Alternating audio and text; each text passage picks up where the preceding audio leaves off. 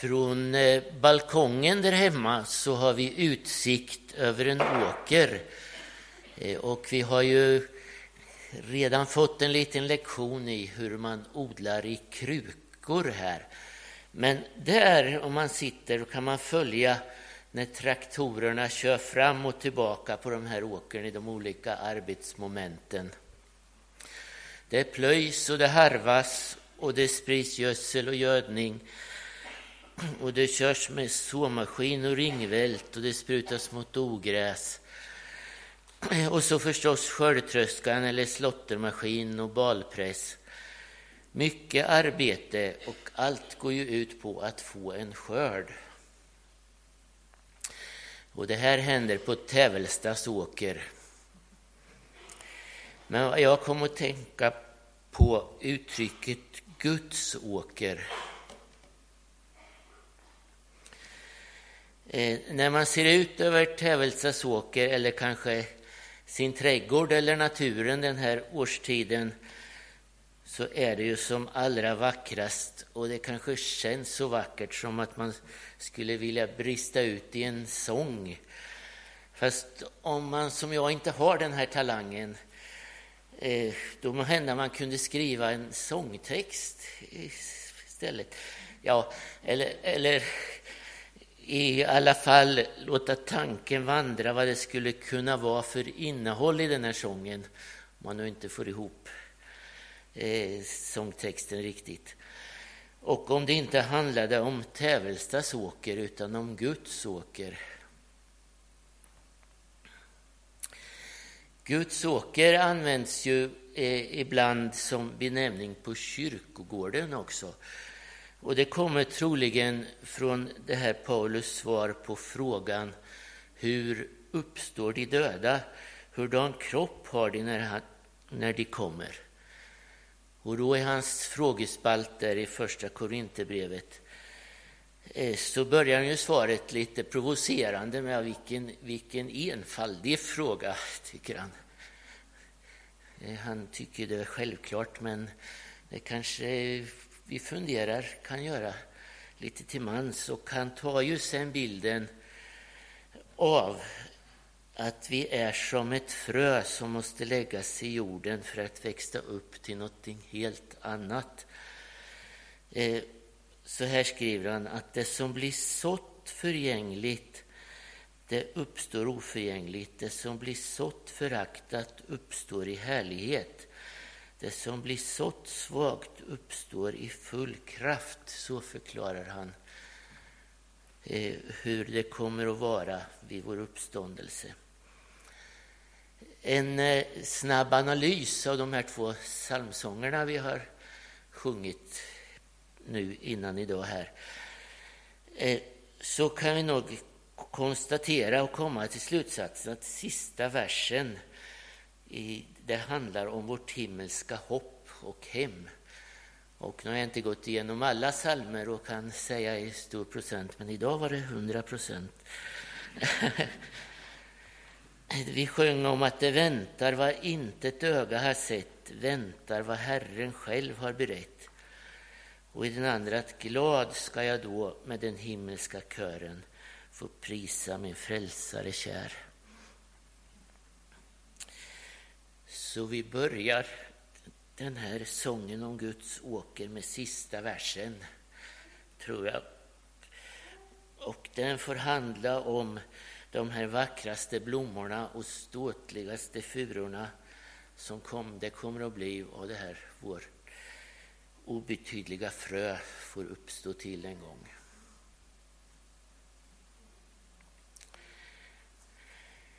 Eh, det här uttrycket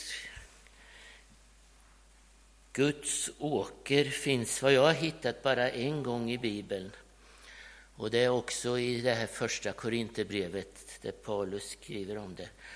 Och där rubriken i vår bibelöversättning har satts till församlingens tillväxt i enhet.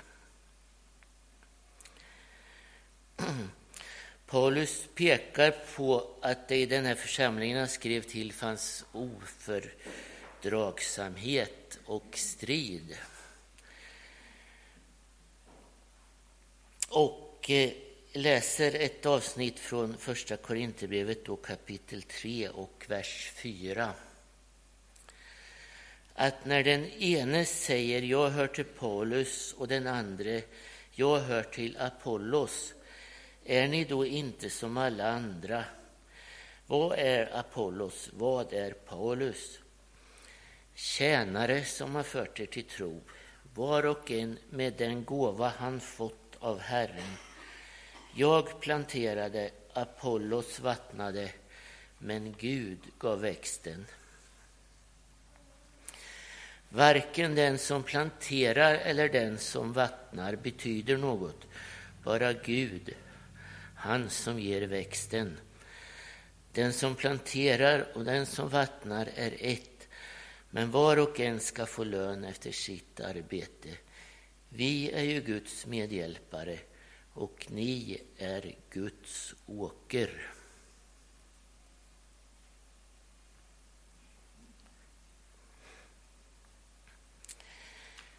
Eh, det finns ju inte bara en sista vers i psalmsångerna utan vi vill nog ha kanske tre verser till om Guds åker. Och då blir ju funderingen, kan vi hitta någonting i de här bibeltexterna som är föreslagna för den här söndagen som kan ge en vägledning om vad det är som behövs för att det ska växa i Guds åker, att vi ska kunna, som är då Guds åker, att det kan växa i tro där. Vi hörde ju för en del förutsättningar och vad vi kan få till vår hjälp i inledningen. Och kan hända att det återkommer i de här texterna också då, lite samma saker.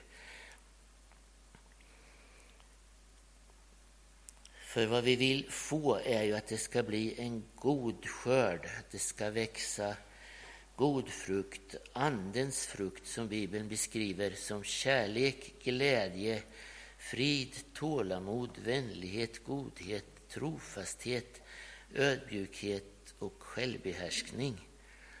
Att det är det som får växa och inte bara ogräs. Eh, det finns mycket ogräs som vi nog möter dagligen i rubriker och nyhetsrapporter som växer i den här världen. Fast inte alla rubriker handlar om ogräs. För jag råkade se ett par frörubriker nu i veckan som var riktigt bra. Men vad säger då de här bibeltexterna om vad det behövs för frö, gödning, bevattning och jordbearbetning och vad det är som går åt för att tron ska växa i Guds åker. Jag kommer inte att läsa alla de här texterna, men jag plockar lite kort, korta utdrag ur dem. Vi har ju hört läsa Saltarsalmen här, 98, att vi ska sjunga till Guds ära, hylla konungen Herren. Och det står också där i den 98 salmen att havet ska brusa och allt rymmer, floderna ska klappa händer, bergen ska jubla tillsammans. Det handlar om vår lovsång med våra ord, men också om att hela skapelsen kan vara med i lovsången. Och en av de där bra rubrikerna kan passa in här. Den, det stod så här då, att nytt kyrkinitiativ för bättre klimat. Initiativtagare säger, nu petrar vi ner det här fröet och ber Gud välsigna det. Så vår första vers i den här Gudsåkersången den får gå på temat att vi vill lovsjunga Gud och tillsammans med hela hans skapelse. Eh, andra versen kan det möjligen bli om såmaskinen då. Eh, jag läste om Väderstas såmaskin. Att den 12 meter breda pneumatiska såmaskinen Inspire 1200 CS erbjuder en högkapacitetssådd med ett lågt dragkraftsbehov.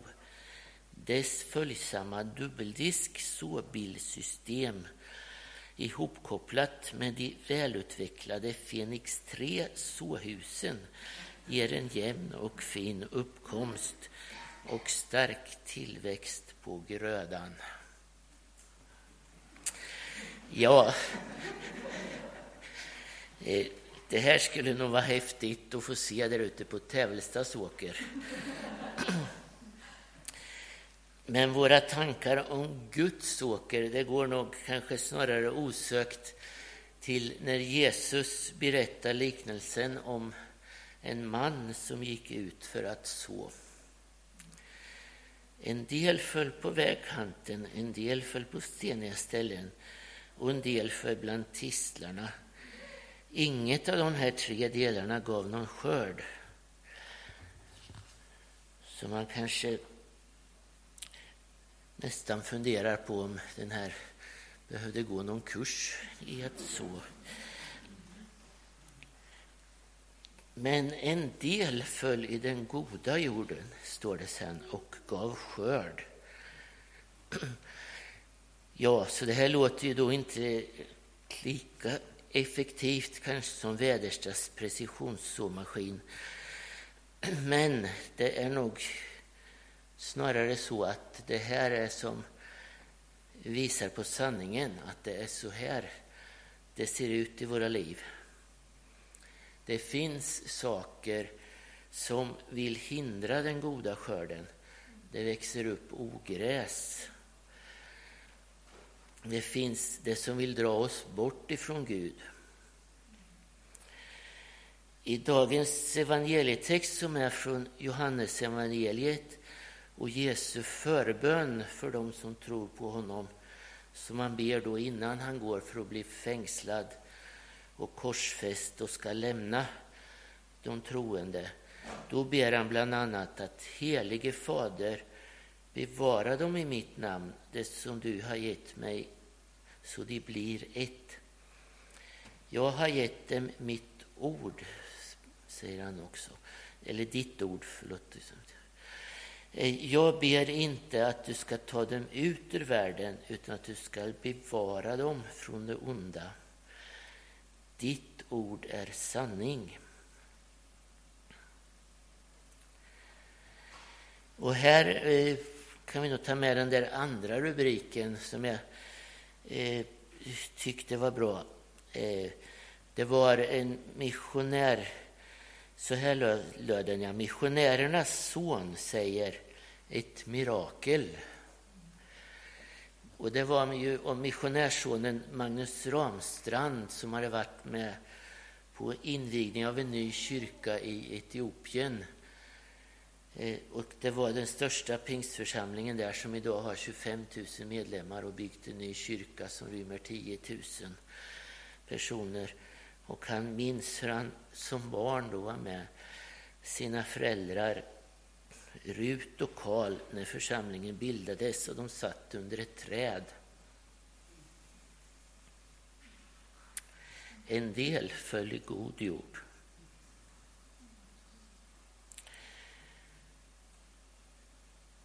Så vår andra vers det får handla om Guds ord som föll i god jord. Det var nästan så det rimmade. Det börjar ta sig det här författandet.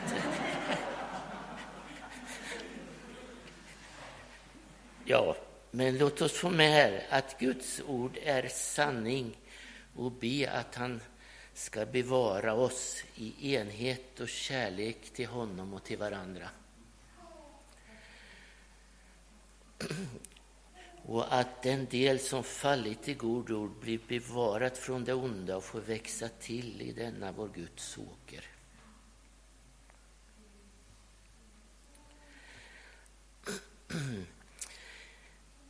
Ja, men ska traktorns körning fram och tillbaka med gödselspridaren få inspirera till den tredje versen då?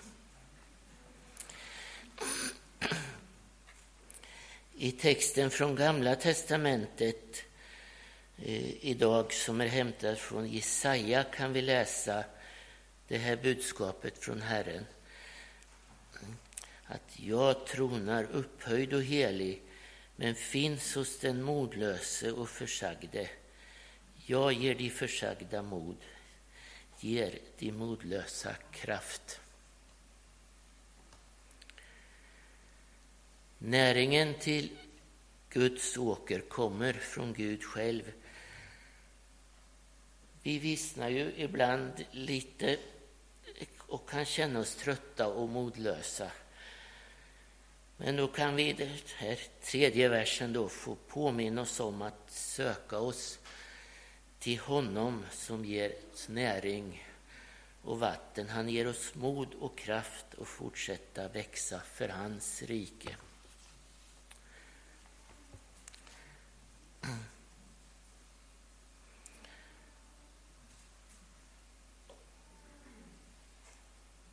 Så om vi tittar på de här bibeltexterna och det här temat för dagen och med tanke på Guds åker så kan ju blir utmaningen till oss då att vi får låta våra liv få vara Guds åker och ingen annans. Att vi tar till oss sådden Guds ord. Att vi blir bevarade i enhet och kärlek. Och att vi då får växa till för hans rike. Att det får växa till nya planterare nya vattnare och nya tjänare till honom i uppdraget här på jorden. Att vi söker oss till honom för att få ny kraft och nytt mod. Och att vi får mötas i det himmelska riket befriade i härlighet och ny glans. Det skulle vår sång om Guds åker kunna handla om.